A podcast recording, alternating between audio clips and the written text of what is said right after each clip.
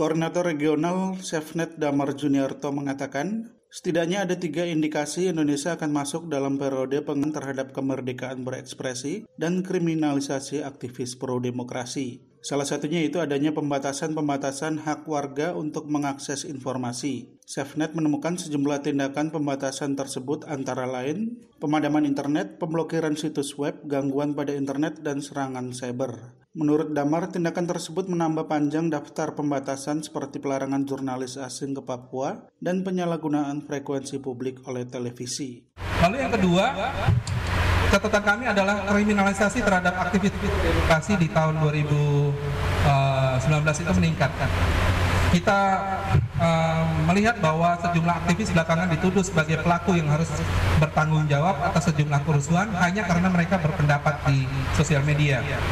Yang pertama, Damar menyebutkan sejumlah aktivis pro-demokrasi yang dikriminalisasi antara lain pengacara HAM Veronica Koman, aktivis Anindya Sabrina Prasetyo, dan Dandi Dwi Laksono. Menurut Safenet, aparat juga menggunakan cara-cara kekerasan dalam sejumlah aksi damai hingga menimbulkan korban tewas pada aksi mahasiswa bulan lalu. Kriminalisasi dan kekerasan juga terjadi kepada jurnalis yang bekerja menyampaikan informasi kepada publik. Pengacara publik LBH Pers Ahmad Fatona mengatakan lembaganya mencatat ada 164 kasus kekerasan yang dialami jurnalis sepanjang 2015 hingga 2018.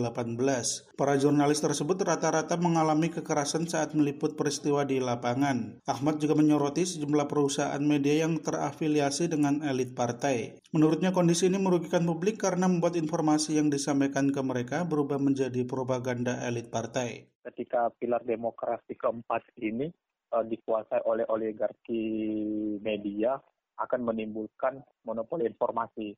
Itu pertama, karena check and balance terhadap lembaga legislatif, yudikatif, eksekutif ini akan tidak ada lagi.